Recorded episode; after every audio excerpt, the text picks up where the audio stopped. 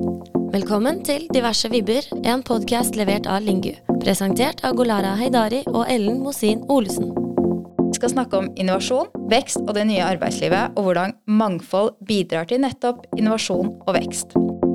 Velkommen til en ny episode av Diverse vibber. I dag er jeg podkastvert eh, helt alene fordi min makker Ellen hun har sunget av full hals på Karpe-konsert i helgen, hvor hun også la ut et bilde på Instagram der det var tydelig at hun koste seg veldig. Men i dag har hun det ikke så hyggelig, for hun klarte å bli koronasmittet. Så i dag er Ellen hjemme, og vi ønsker henne god bedring. Men jeg har med meg en gjest. Juhu! Juhu. Ja, Og det er deg, Jakob. That's me in the corner. Ja. Det stemmer.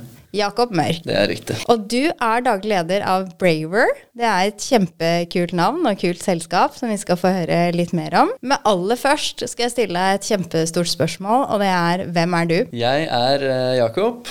Av eh, fagbakgrunn så eh, kom jeg fra Handelshøyskolen i Bergen. Men da jeg var der borte, så skjønte jeg ganske kjapt at finans og alt som var i den sfæren, som veldig mange av studievennene mine syntes var kult, det var ikke helt min eh, tekopp. Så jeg søkte mot eh, entreprenørskap og mot eh, startups ganske tidlig og startet et uh, selskap eh, mens jeg var student. Og da gjorde jeg alle de førstegangsfeilene som man gjør på sin første rodeo, og lærte vanvittig mye av det.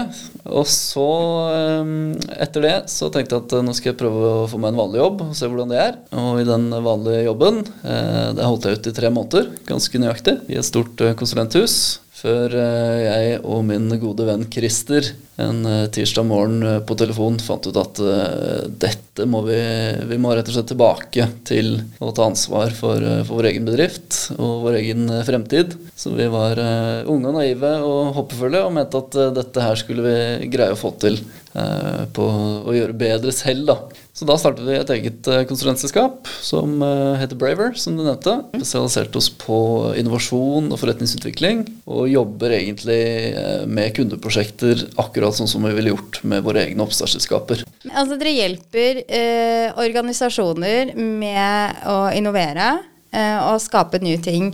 Men jeg vil jo si at eh, de aller fleste organisasjoner må tenke nytt og tenke innovasjon. Så hva, hva er det der som vi på en måte trenger å lære? Vi må jo anerkjenne at det skjer veldig mye eh, god innovasjon rundt forbi i norsk næringsliv allerede. Men veldig mye av det er det som kalles inkrementell innovasjon. Som vil si at man forbedrer eh, noe som allerede fins, noe som allerede funker relativt bra. Men der vi opplever at eh, det ikke skjer fullt så mye, det er jo på dette som kalles disruptiv innovasjon. Eller å lage noe helt fra scratch. Så hvis man ikke har et produkt fra før, hvordan er det man setter i gang? Hvilke produkter er det som er verdt å lage? Hvilke kundeproblemer er det som er verdt å løse? Eh, Hvordan finner man disse problemene og mulighetene? Hva skal man gjøre med dem? Eh, Hele det, det området der, eller de, det settet av spørsmål, der opplever jeg at det er veldig, veldig mye igjen eh, hos veldig mange. Men hvordan passer mangfold inn i liksom gründerprofilen eller gründerreisen for, for deg? Ja, jeg har ganske mange tanker om mangfold, egentlig. Så, sånn overordnet så syns jeg jo at den eh, pågående mangfoldsdebatten er eh, kanskje litt for litt enkel eller litt overfladisk. Det er mye der som er preget av eh, identitetspolitikk og fremstå og si de politisk korrekte tingene, og at det blir for mye fokus på eh, litt sånn overfladisk mangfold som man kan se med det blotte øyet. Eh, Det går på kjønn, det går på hudfarge, typisk. Mens eh, den, den delen av mangfold som kanskje er mindre synlig, men mer, mer viktig, da, mener jeg i hvert fall, som går på kompetanse, på mindset, på erfaringer man har med seg, måter å se verden på, måter å tenke på. Jeg synes Det er mye viktigere enn eh, altså hvordan man ser ut, for å si det litt enkelt. Eh, Så jeg syns det er uheldig at eh, de synlige trekkene og identitetspolitikken i det tar såpass mye plass. Det kan jo ha noe med at det er enkelt å måle. Sånn, sånn, la oss se, er det mangfold hos oss? Ja, men det kan jeg se at det er, og da konkluderer vi med at det er det. Men, og på en måte så er det forståelig at vi liker å forenkle ting, eh, men eh, det er ikke nok, da, som du sier. Eh, men så, hvis man skal på en måte, Hvordan skal man klare å måle mangfoldet i teamet da? Ja, Det er et godt spørsmål, altså. Men det, det, man, eller mye av grunnlaget Eller et, et argument da, som ofte kommer opp uh, som taler for, uh, om det er kvotering eller uh, hva enn det er radikale forslag noen har for å få, for mangfold opp i en bedrift, så er jo påstanden at det er utrolig lønnsomt på et eller annet vis. Og det kan jo godt hende at det er det.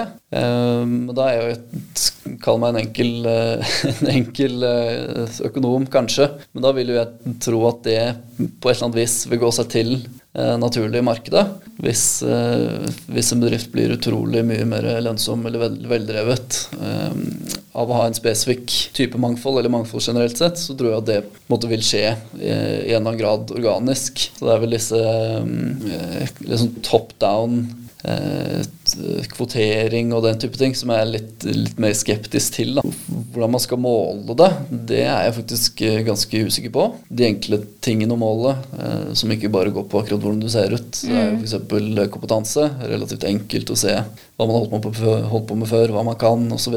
Personlighetstrekk eh, er jo også i en eller annen grad målbart. Ja. Eh, så strides de lærde hvor, hvor mye det Ja, det er jo en can of worms i seg selv. Ja, det er det. Um, men der er det jo ganske mye man kan gjøre, som, ja. uh, som vi har brukt internt også, som jeg syns er veldig, veldig, interessant. Så jeg vil mer på, på de tingene, da på ja, kompetanse, personlighet, mindset i en eller annen grad, hvis man greier å måle det på et eller annet vis. Ja, og kanskje er det sånn at vi kommer dit hen at uh, vi slutter å være så opptatt av å måle det, uh, men heller um, at fokuset går på hvordan jobber vi for å få fram de ulike stemmene som er i teamet. Mm. Eh, men det er litt sånn viktig å snakke litt om det, da, for du har jo disse som sier at ja, men jeg tenker jo ikke på mangfold, men så har de svært mangfoldige team og, og, er veldig flinke til å utløse den verdien av de ulikhetene som er i teamet. Og så har du de som sier at ja, men jeg tenker ikke på mangfold, så har de veldig homogene team.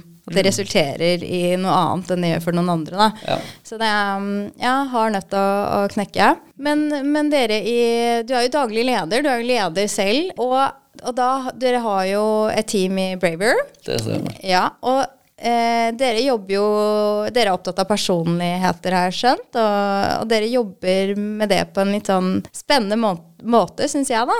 Ja. Kan vi fortelle litt om det? Jo da, gjerne ja. det. Um, vi har et par ting som vi gjør som uh, jeg tror skiller seg ganske fra det du vil finne i den gjengse norske bedrift. Uh, og en av de tingene vi har, uh, er noe vi kaller for en personlig bruksanvisning. Og det er jo som, som uttrykket impliserer, inspirert av bruksanvisningene du får når du kjøper et avansert teknisk produkt. Men når du begynner å jobbe med andre mennesker, selv så komplekse og vanskelig å forstå de kan være, så følger det jo veldig sjelden med eh, noen form for instruksjon, dessverre. Så vi har eh, laget da personlige bruksanvisninger for alle sammen.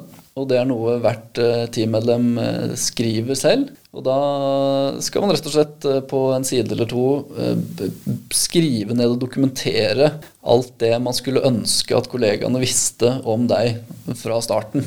Og det går jo på uh, hva slags arbeidspreferanser du har. Uh, om du liker å uh, snakke med folk gjennom arbeidsdagen, om du liker å sitte i åpent landskap, om du liker å sitte for deg selv og fokusere. Om du jobber best om morgenen, om kvelden, på hjemmekontor, på kontoret, på reise, what have you. og gjerne også litt sånn rare preferanser man har. da. Så målet med denne bruksanvisningen da, det er jo egentlig todelt. for det første så er det jo å, å bruke det som et verktøy for å øke sin egen selvinnsikt. Egentlig force eh, selvrefleksjon. For, å skrive ned eh, noe om seg selv, så må man jo først, først finne ut av litt ting eh, selv. Tenke litt over ja, hvordan er det egentlig jeg fungerer best i en arbeidssituasjon. Hvordan er det egentlig jeg er skrudd sammen eh, annerledes eh, enn andre. Hvilke elementer ved eh, mine preferanser eller min personlighet er det som kanskje ikke er åpenbart for nye mennesker jeg møter osv. Det er det første poenget. Trigge refleksjon. Og så er det andre poenget at eh, det gjør det veldig veldig mye lettere å begynne å jobbe godt sammen tidlig. Fordi etter min erfaring så er det sånn at hvis man begynner en ny jobb på et nytt team eh, med nye kollegaer, så går det en eller annen tid 3, 6, 12, 18 måneder, eh, whatever. Man, før man egentlig finner ut av alle disse tingene. da. Fordi at man må, ja, man må Bli kjent med hverandre? Bli kjent med hverandre på en organisk måte. Og liksom dulte bort hverandre og drite seg ut og tråkke mm. hverandre på tærne, rett og slett. For å finne ut av hvor det gjør vondt. Mens hvis du eh, på dag én begynner hos oss, så kan du gå inn og så kan du lese alle Eller selv før du begynner hos oss, så kan du gå inn, for disse her ligger, eh, flere av de ligger åpent. Så kan du gå inn og lese da om eh, hva slags folk vi er. Ja, for det, jeg vil jo tenke hvis jeg var ny Braver, da, mm. eh, og så hadde lest de andres eh, personlige bruksanvisning, så hadde det hatt en positiv effekt på meg, for da hadde jeg sett at her er det flere som blottlegger seg. Det er flere som legger fram sine sterke og, og svake sider og, og, mye forskjellig, da. Eh, også daglig leder. Det, det synliggjør kulturen veldig.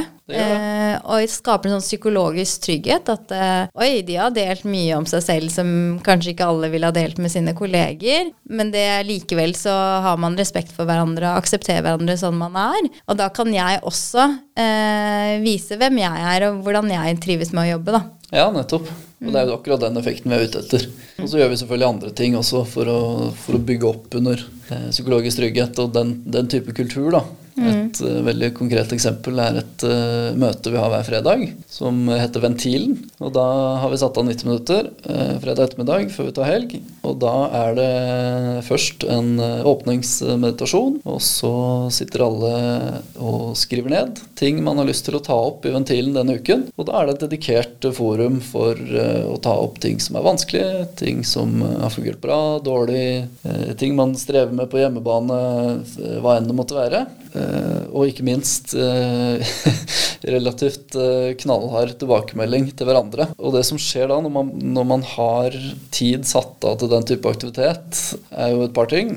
For det første så sparer man seg for ganske mye friksjon i løpet av uken. Fordi at hvis du og jeg jobber sammen, og vi går og irriterer oss over hverandre på et eller annet, så i stedet for at du skal ta opp det med meg på en tirsdag klokken tre, når jeg sannsynligvis ikke er eh, klar for å ta det imot, eh, kanskje. Uh, og du kanskje heller ikke er på ditt sunneste fordi at du har gått og irritert over dette her hele uka. um, så i stedet for å ta det opp da, så vet jo du at det kommer en ventil om et par dager. Så da blir det typisk spart til det. Og når man går inn i ventilen, så er jo både så er liksom alle på teamet klar over at nå er vi dette mindspacet, det er dette som skal skje. Uh, så vi opplever at både delivery og, og det å ta imot tilbakemeldinger blir, blir, mye mer konstruktivt og intensjonelt. Og så signaliserer det jo til eh, alle i rommet at her er det trygt å komme med det meste.